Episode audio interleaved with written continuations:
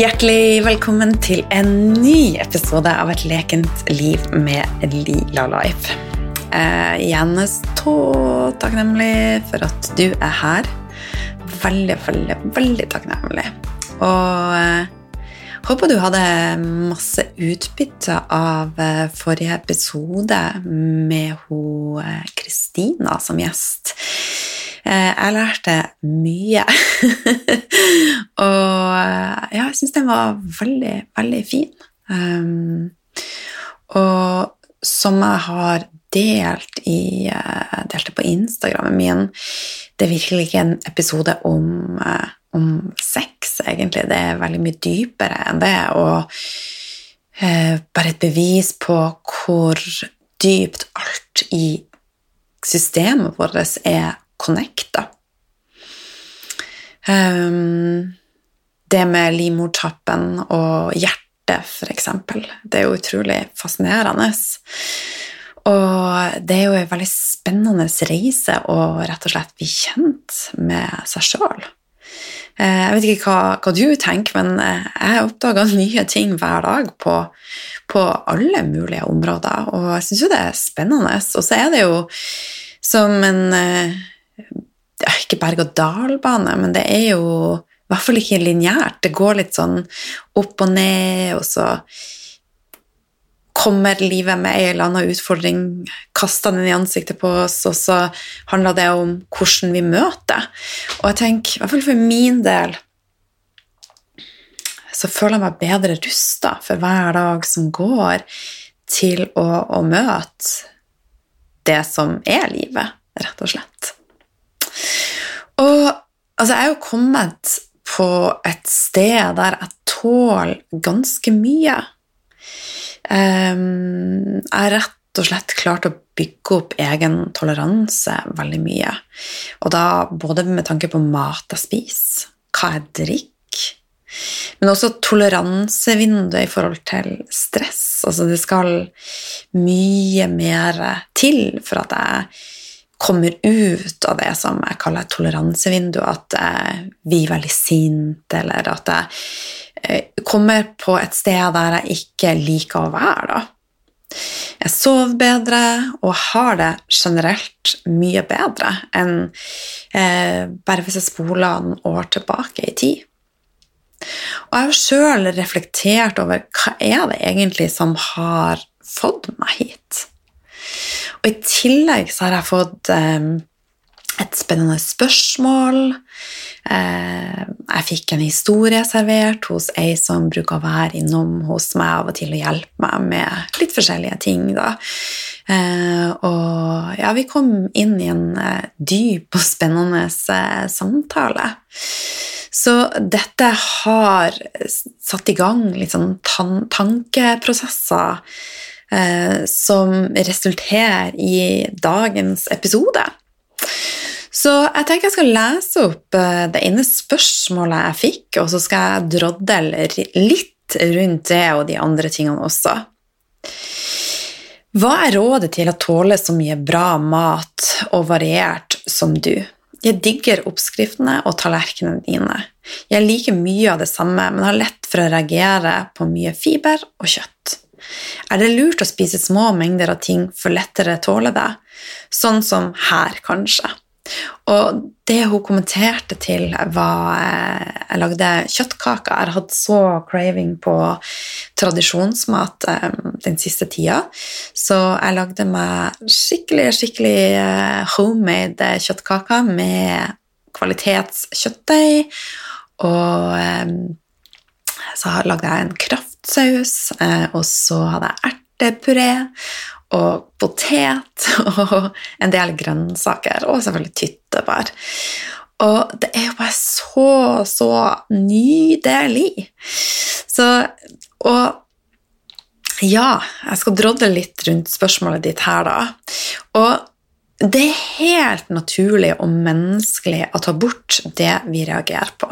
Så la oss si at du hadde spist denne tallerkenen da, med kjøttkaker og ertestuing, og kanskje hadde hatt litt løk og litt kål, og så eh, hadde du bare kjent at lufta kom bare sigende, du fikk smerter i magen, og det bare rett og slett ikke føltes bra. Og da er det jo en naturlig reaksjon å tenke at jeg tar bort de tingene som gir meg luft, som gir meg smerte. Men det trenger ikke å være for eksempel, La oss si at det var kålen eh, som du trodde eh, ga deg luft, eller som ga deg luft. Kålen trenger ikke å være årsaken til problemet. Og det kan kanskje være litt vanskelig å forstå. For at systemet vårt er jo veldig, veldig sammensatt, men veldig genialt. Så jeg skal komme tilbake til det med årsaken til, eh, til problemer, og hva som kan være lurt å gjøre. Og så håper jeg du henger med i, i filosofi, filosoferinga mi. så her om dagen så hadde jeg også en interessant samtale, men som også rysta meg, rett og slett. Um, hun kunne fortelle at hun de siste årene hadde drukket tre til fire liter cola daglig tre til fire liter. Altså det er mer enn jeg drikker i løpet av et år. så jeg tenker at det er jo Det er så fascinerende. Eh, og, men nå hadde hun klart å slutte med det. Og da måtte jeg spørre hva som gjorde at du starta å drikke så mye cola. Og det var veldig interessant. Hun kunne fortelle at hun hadde hatt et relativt normalt kosthold. Eh, og en dag så hadde hun spist en uh, matvare som hadde gitt henne en reaksjon som gjorde henne redd. Og fra den dagen så kutta hun så å si å spise. Hun bare tenker jeg vil ikke ha en sånn reaksjon igjen. Så hun har holdt seg til tre-fire matvarer i mange år som er relativt nøytral, som ikke har gitt henne egentlig noe i noe som helst retning. Altså det har bare holdt henne på pari. parer, rett å si. Det vet jeg faktisk ikke, men det har i hvert fall holdt henne flytende. Um, og meste, det meste av næringa har hun faktisk fått fra cola. Og hun kunne fortelle at hun gikk på do sånn cirka to til tre ganger i måneden. Og da tenker jeg og bæsja. Hun var plaga med migrene og følte seg ikke spesielt bra. Men hun valgte bort det som trigga den reaksjonen som gjorde at hun ble redd.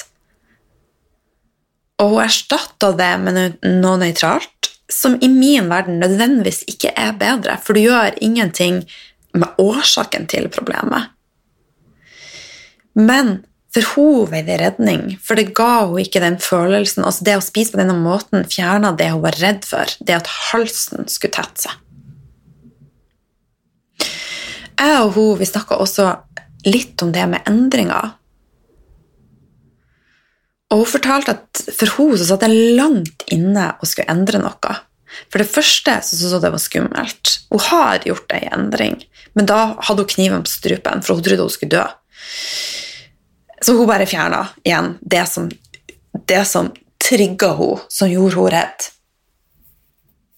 Og nå har hun det relativt greit. Selv om hun ikke har det bra, så har hun fjerna det som hun er redd for. Så nå var hun redd for å gi slipp på dette, for at dette var jo hun. Så selv om hun hadde det bra, så vil hun ikke ta Eller hun var redd for å ta et skritt utafor komfortsona. Og dette er jo veldig, veldig komplekst. Og vi mennesker vi trives uten tvil i komfortsona. Sjøl om vi ikke har det bra der. Sjøl om vi ikke er fornøyd der. Og det sier at det er ganske sterke krefter i sving. Sterke krefter som drar oss mot det trygge, det vante, det komfortable. Så hvis jeg kunne gitt henne noen tips så er det jo da å nøste opp og se på hva er årsaken i utgangspunktet til at du fikk den reaksjonen som du gjorde hvis vi går noen år tilbake. Og så er det viktig å tenke ta ting slow and steady. Gjør små grep hver dag, så de endringene blir litt mer subtile. Samtidig så liker jeg å kjenne på følelsen av å være der jeg ønsker å være, og visualisere det samtidig som jeg tar de her små museskrittene.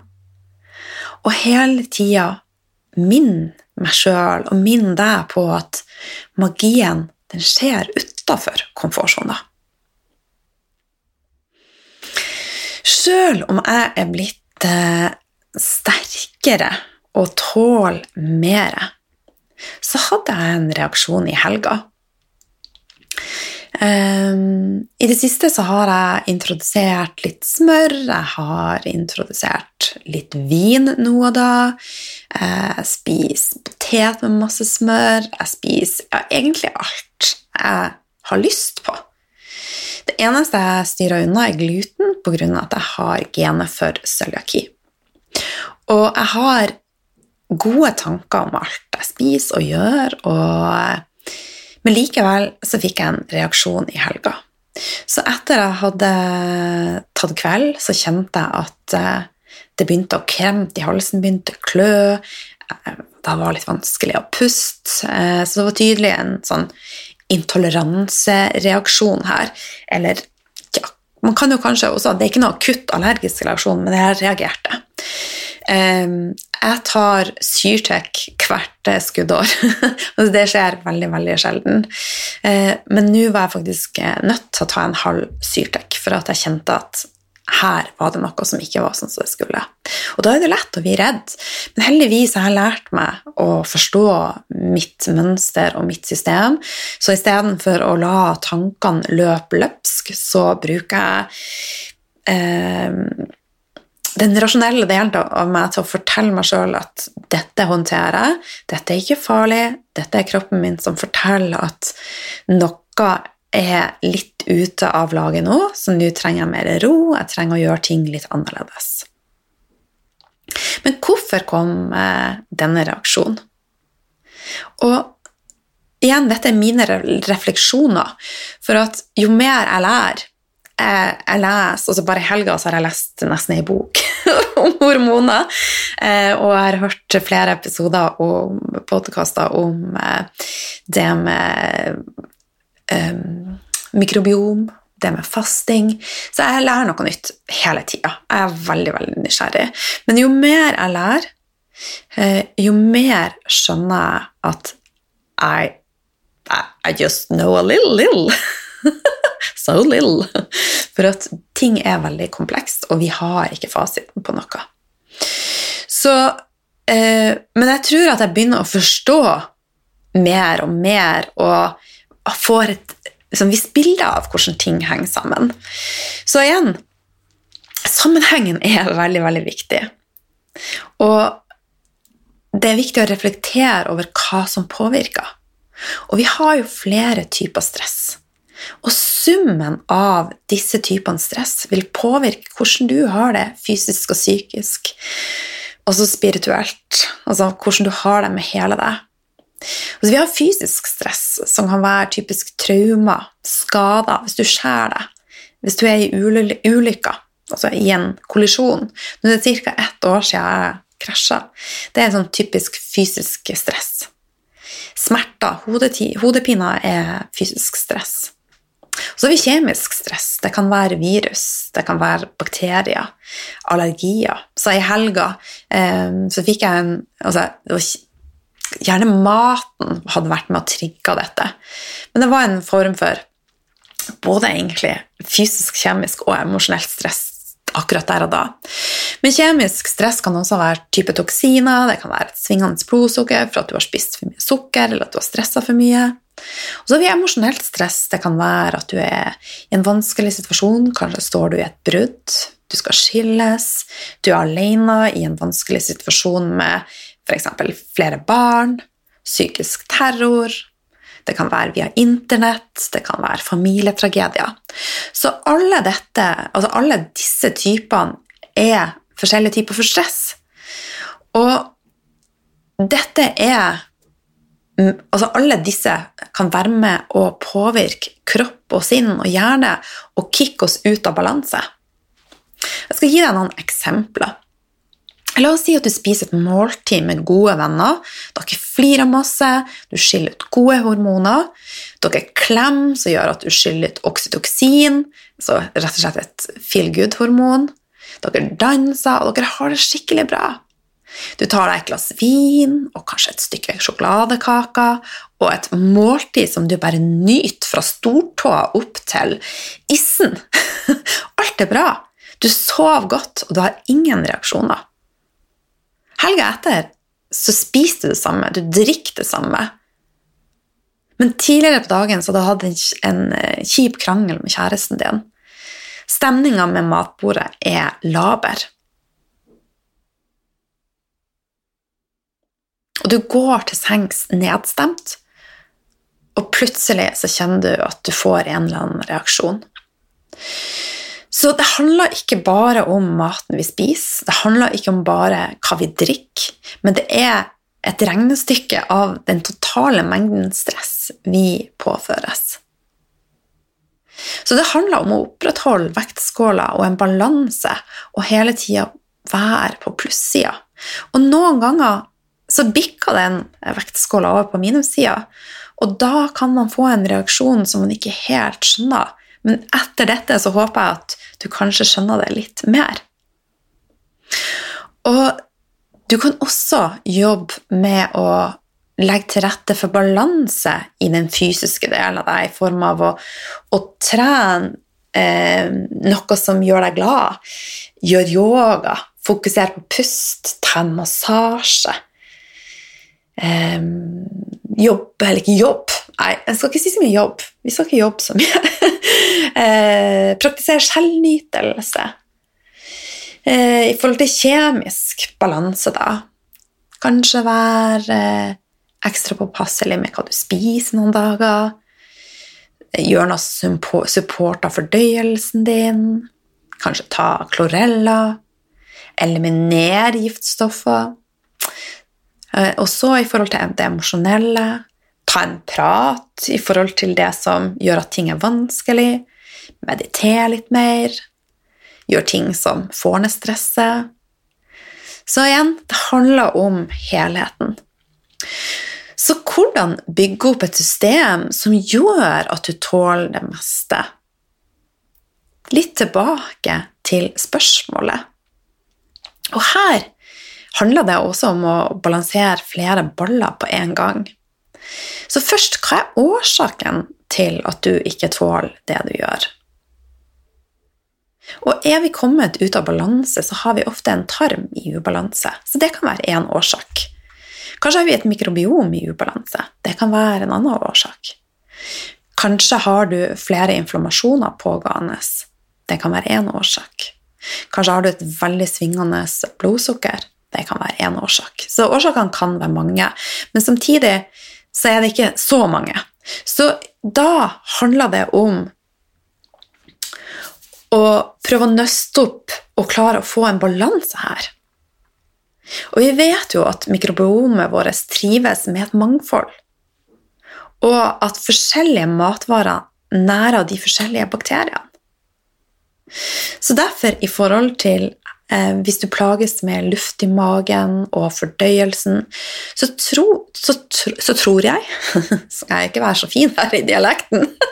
Skal ikke skryte på meg og si 'tror'. Eh, så tror jeg ikke at eh, løsninga ligger i å luke bort alt som gir lufta, men heller se bak sceneteppet. Så hva kan jeg tilføye for å reparere slimhinnene i tarmen min? F.eks. kraft, kollagen, næringsrik mat. Men det aller viktigste du kan gi tarmen din, er ro. Så få ned summen av stress i livet ditt, og få systemet ditt fra sympatikus til parasympatikus. Og så fra den delen av deg der du er i stressmodus. Rett og slett fight or flight, freeze, til rest and digest. Så få ned summen av stress er viktig. Og så spis mat som stimulerer magesyre. Hvis du sliter med å fordøye kjøtt, så er det mest sannsynligvis for at du har eh, lite magesyre. Og ofte så tror vi at vi har for mye, men 99% har for lite av de som opplever eh, utfordringer rundt dette. Så da innta bitterstoffer, brokkoli, andre mørkegrønne eh, salater. Pass på å bruke kvalitetssalt. Eh, spis fermentert mat. Vær takknemlig for maten din. Pust når du spiser. Unngå å multitaske. En annen ting som er viktig, det er kunnskap. Så lær deg hva som stresser kroppen din av mat, drikke, kjemikalier, og reduser på disse tingene som er med og øker stress. Så rett og slett reduser fysisk og emosjonelle ting som stresser. Akkurat nå Jeg øver jo på å være ærlig. Så kjenner jeg sitter på kontoret mitt, og jeg var helt alene i huset. Det var stille, det var ro. Men akkurat nå så kjenner jeg at magen min han knøt seg litt. Jeg ble litt sånn svett i hendene mine. For noen kom. Noen kom i huset mitt. Hvem er det? Det var sannsynligvis dattera mi. Eh, men så lite skal til eh, for å få i gang en stressrespons. Plutselig så åpner hun døra her. Hva skjer da? Jo, da kan dere høre at noen kommer inn mens jeg spiller en podkast. Og seriøst, det er jo egentlig ingenting.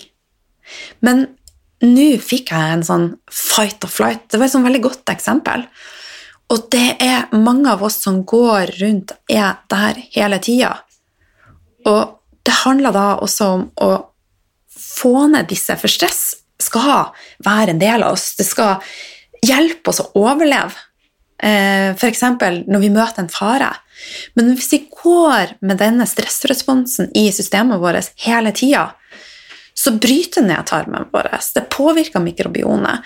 Det påvirker eh, inflammasjoner i kroppen vår. Det påvirker hele deg. Så maten vi spiser, er kjempeviktig, men få ned summen av stress. Og jeg komme mer inn på det med mikrobiomet, for det er utrolig, utrolig spennende. Men én ting eh, som har hjulpet meg og som jeg ser kan være veldig, veldig viktig, og som er litt delte meninger om, er det med periodisk faste. Eh, jeg ser at det å øve på å få kroppen til å bli mer metabolsk fleksibel, er viktig. Og der er periodisk faste den viktigste nøkkelen. Og når jeg sier metabolsk fleksibilitet, så handler det om å lære opp systemet ditt til å hoppe mellom karbo- og fettforbrenning. For de fleste av oss er i karboforbrenning. Og det vil si at du mest sannsynlig må spise ofte og lite for at du har et svingende blodsukker, og et svingende blodsukker er stress. Du skiller ut Altså, når du spiser må spise ofte og lite. Så for det første må du bruke mye tid, det går mye fokus. Og hvis du fyller på da med karbohydrater, som er det som er med å få opp blodsukkeret raskest, så vil du også skille ut insulin. Og det å skille ut mye insulin er også stress for systemet ditt. Og vi kommer inn på det at det lagrer mer fett. Så det blir en sånn ond sirkel. Periodisk faste for meg har gitt systemet mitt ro. Det har gitt systemet mitt ro til å heale tarmen, til å gi kroppen tid til å heale informasjoner, balansere hormoner. Og det som er veldig spennende, er det med intuitiv spising. Og her er det delte meninger, for at med å være intuitiv så mener noen at da kan vi, også periodisk faste, vi så langt fra det å være intuitiv.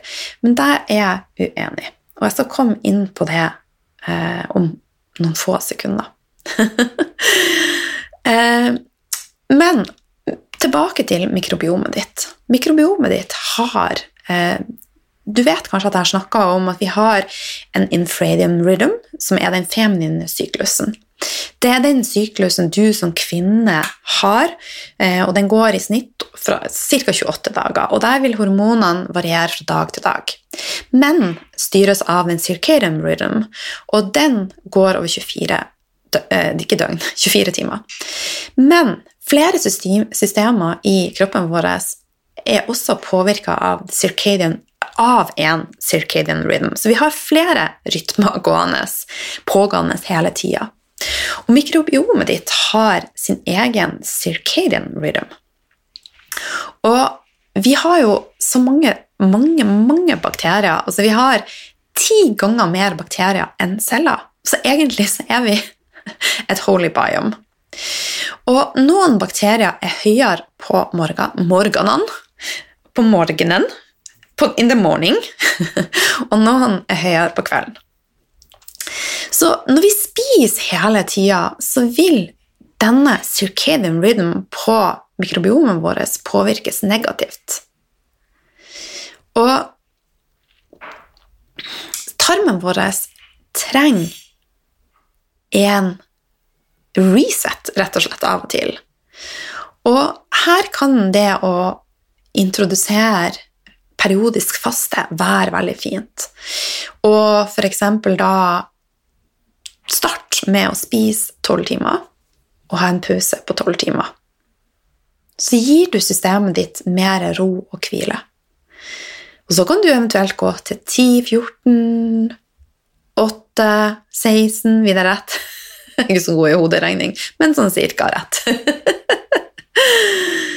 så det å eh, gi eh, fordøyelsen og systemet ditt hvile påvirker kjemien i kroppen din, påvirker hormonene dine, påvirker neurotransmitterne, inflammasjon i systemet ditt.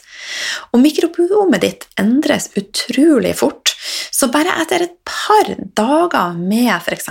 annen mat, mer eh, eh, også, Nå skal jeg prøve å finne et ord her. Mer mat som har betennelsesdempende eh, Altså antiinflammatorisk mat! Det var det ordet jeg lette etter. Et par dager med mer av det, og mer blodsukkervennlig mat, mer nærende mat, så kan, og et mangfold av fiber, så vil du eh, kunne oppleve at mikro, mikrobiomet ditt endrer seg. Og eh, når man har for lite av noen bakterier, så vil det kunne gi resultat i mer luft og smerter i magen. Og da er det mange som anbefaler å fjerne de tingene som gir luft. Men igjen, det gjør ingenting med årsaken. Og det å spise et mangfold av grønnsaker er viktig, for fiber er mat for mikrobiomet vårt. Det er også med å gjøre sånn at vi kan bruke dette fiberet til å lage kortkjeder, fettsyrer, som igjen er med å bygge opp tarmen din. Men da nytter det ikke at vi springer rundt som hodeløse kyllinger og høner og flakser med vingene våre og stresser oss i hjel, for da går vinninga opp i spinninga. Halleluja! Så igjen, vi må øve på å finne mer ro i det vi gjør. Og gradvis vil jeg anbefale å introdusere mer fiber.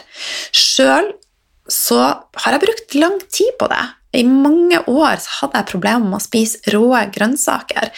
Men du kan spise dampa grønnsaker, du kan spise fermentert mat.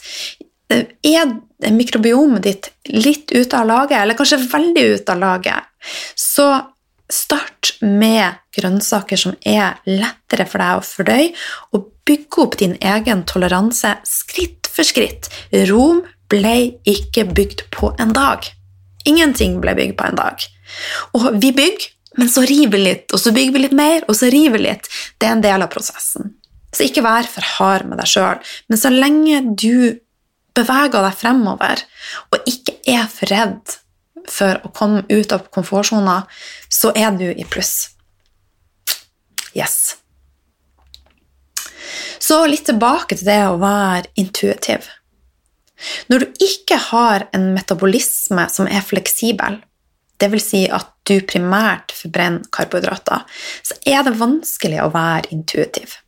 På grunn av at da mest sannsynligvis så har du svingende blodsukker, lavgradsbetennelser gående, hormonell ubalanse, et skiftende humør, og du bare må ha mat.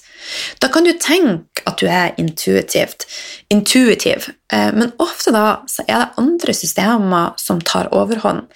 En sopp som roper etter mer sukker et mikrobiom i ubalanse som roper etter mer karbo og sukker og vin og så, Nå skal jeg være veldig ærlig med deg. I helga Det har ikke vært min beste helg. ingen dager. Eh, og ingen dager er like, og ingen dager er perfekt. Men det er jo noe godt i alle dager, bruker jeg å minne meg sjøl på. Men helga mi har vært litt, eh, litt røff. Og det starta med at jeg tok et glass rødvin på, på, lørdagen, og da var jeg et godt mindset. Um, og det er jeg litt opptatt av. Uh, at når vi drikker, så skal det ikke være for å døyve eller for å rømme eller for å plaster noe. Det skal være for at du virkelig har lyst på det, at du har lyst på smaken, du har lyst på den følelsen når du er kanskje sammen med venner og tar et glass vin. Og det starta med det. Så jeg tok et glass vin, for jeg hadde virkelig lyst på det. Så eh, det, skjedde det noe som bare var litt vanskelig. Og da kjente jeg på søndagen Da hadde jeg ikke lyst på vin lenger for at den gode smaken. Da hadde jeg lyst på vin for at jeg kjente at jeg fortjener det, jeg har lyst til å døyve et eller annet, jeg har bare lyst til å rømme. Og faktisk så tok jeg et glass vin i går også, og det er ikke det smarteste. Men jeg er ikke dømmende overfor meg sjøl. Så nå vet jeg at det blir ikke vin i dag, det blir ikke vin i morgen, det blir ikke vin på mange, mange, mange dager. Eh, og da Det var bare for å vise at da var jeg er ikke helt i kontakt med den intuitive delen av meg. Da var det andre ting og prosesser som tok overhånd. Så Ja, dette er ganske komplisert. Og kanskje er du en av de som aldri har opplevd ubalanser og bare spiser intuitivt, men det er en liten prosent av befolkninga. Så jeg er ganske overbevist i systemet mitt at en viktig nøkkel for å bli mer intuitivt intu, Hvorfor sier jeg intuitivt hele tida? jeg mener intuitiv. Er å bli mer metabolsk fleksibel. Uh, og selv om jeg er metabolsk fleksibel, for det er, altså, det, det en av nøklene til at jeg kan spise så variert som jeg gjør, er at kroppen min klarer å switche fra karbo til fettforbrenning uten problemer. Og å komme til en metabolsk fleksibilitet innebærer at du i en fase må være mest sannsynlig litt restriktiv med karbohydrater. Jeg er ingen fan av dietter eller at man skal være for restriktiv, men jeg må si at jeg i perioder har måttet vært det for å komme dit jeg er i dag. Så i en periode så styrte jeg unna sukker, for det var noe som jeg ikke hadde kontroll over. Det kontrollerte meg. Eh, jeg var i ubalanse i mikrobiomet mitt i, i forhold til candida, så det ropa høyere enn den intuitive delen av meg, hvis du skjønner. Så jeg måtte øve opp den metabolske fleksibiliteten, og i dag så er jeg kommet der at jeg godt kan spise et måltid. Sånn som I helga så spiste jeg risotto, eh, og det er ingen problem for meg. Eh, står jeg opp dagen etter og spiser grønnsaker, egg og kjøtt, og det er det systemet mitt vil ha. Eh, men hadde jeg gjort dette for fem år siden, så hadde jeg mest sannsynligvis fortsatt på et karbokjør, for at det var det jeg trodde at kroppen min ville ha. Jeg var ikke helt i balanse da. Så alle kan forbrenne karbohydrater. Eh, og det er det majoriteten av oss forbrenner lettest. Metabolsk fleksibilitet betyr å bytte fra det ene til det andre. Og du rett og slett eh, er litt hybrid. Eh, og det er en veldig fin plass å være. Og det er, når du kommer dit, så vil det lettere å slippe til intuisjonen ut fra sånn som jeg um, har opplevd ting, og ser også hvordan andre har opplevd dette. Du får rett og slett litt food, food peace, altså matfred. Så periodisk faste er en fin måte å finne tilbake til fleksibiliteten. Uvant i begynnelsen, men som med alt annet så må det øves på. Og når du øver, så vil du finne mer ro.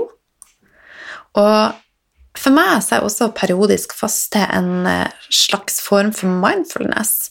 Det er ganske behagelig. Nå er klokka tolv, eh, og jeg sover relativt lenge for at jeg har muligheten til det, og jeg gir systemet mitt når det trenger det, så gir jeg det den hvila den ber om. Eh, men det er veldig deilig å slippe å Å nei, nå må jeg spise. Og så går det tre timer, og nei, nå må jeg spise igjen. Så jeg har ennå ikke spist i dag, og jeg vet egentlig ikke når jeg skal spise. Jeg spiser når systemet mitt forteller meg at eh, hei, du, du Line Lila, nå vil jeg ha et eller annet. Og det er en veldig fin plass å være på. Så det ønsker jeg for alle. Jeg ønsker rett og slett uh, food peace. Jeg ønsker at du skal komme mer i kontakt med intuisjonen din og få på plass en balanse i systemet ditt eh, som er fin å ha, og et fint sted å være på. Og ja, jeg tror at en av nøklene her er metabolsk fleksibilitet. Det er kjempeviktig å få et mikrobiom i balanse. Det er viktig å ta vare på slimhinnene i tarmen din, sånn at det også er en god connection mellom tarmen og hjernen, og at vi klarer å roe ned vagusnerven vår og får en god gut-brain access, altså en kommunikasjon der. Viktig å få ned inflammasjoner som gjerne brenner lavt i systemene våre. Viktig å få hormonene i balanse. Og det starter med ett steg, og så må du ta et steg til. Og denne magien skjer ofte utafor komfortsona. Nå føler jeg at jeg har skravla veldig, veldig mye. Jeg, har, jeg føler at jeg har sittet og prata med ei venninne. Jeg håper at det har vært interessant for deg, og at det er lærerikt. Ehm, for det finnes ikke én fasit. Og jeg tror at når du bare åpner opp sansene dine og åpner opp hele deg og starter i én ende, så vil ting gradvis falle på plass. Og det er en syklus. Ingenting er lineært. Det vil gå opp og ned. Men vær raus med deg sjøl og gi deg sjøl kjærlighet i prosessen. Tillat deg sjøl å ikke være perfekt, for ingenting er perfekt. Og start dagen med, selv om du kanskje ikke er glad i deg sjøl, for at det kan være vanskelig. Og jeg bruker å si 'fate it until you make it', og da vil jeg eh, gi deg sjøl en high five når du står opp, for da forteller du systemet ditt at du er verdt det beste. For du er verdt det beste. Så inntil eventuelt du ikke helt altså til du tror på det. Så gi deg sjøl en, en, high five, du. Og jeg kunne ha snakka en episode om high five, og jeg er jo litt dårlig på, på navn. Jeg tror hun heter Mel Robin. Hun har laga en skrevet bok om dette med, med, high five, så den eh, kan være eh, fin å, å sjekke ut. Jeg skulle ta og se om jeg fant navnet hennes. Hun heter Mel Robins. Jeg husker litt, Line. Bra! yes. Da, med dette, så ønsker jeg deg lykke, lykke til, og masse kjærlighet til deg i prosessen. Og dette er noe som jeg virkelig, virkelig brenner for. Hele denne sammenhengen. Så jeg kommer til å lage et, eh, et kurs på dette um, som kommer i 2022. Så uh, hvis du kjenner at det har jeg lyst til, og jeg har lyst til å være med på den reisen Gud, hvor fin jeg var i dag. Reisen. Um, det, det, er underbevisstheten min som forteller at jeg skal til Oslo. um, hvis du har lyst til å være med på denne reisa og, og lære mer hvordan du kan bygge opp din egen metabolske fleksibilitet, kom til en plass med food peace, kom mer i kontakt med egen intuisjon, bygg opp tarm, mikrobiom, få ned betennelser, balansere hormoner og også noe som jeg brenner veldig, veldig for, det med å embrace aging. Og være fornøyd der vi er, samtidig som vi føler oss en sånn miks av ung og moden, hvis du skjønner. Eh, ja, det skal jeg også spille inn en episode om, tenker jeg. Men hvis, hvis dette er interessant, eh, så kan du bare si 'Hei, Line, jeg har lyst til å være med på dette'. Men Jeg vet ikke når det blir, men det blir et kurs om uh, dette, og det gleder jeg meg. Jeg kjenner at uh, hele meg er klar for det. Så lag deg en magisk dag, og så høres vi neste uke.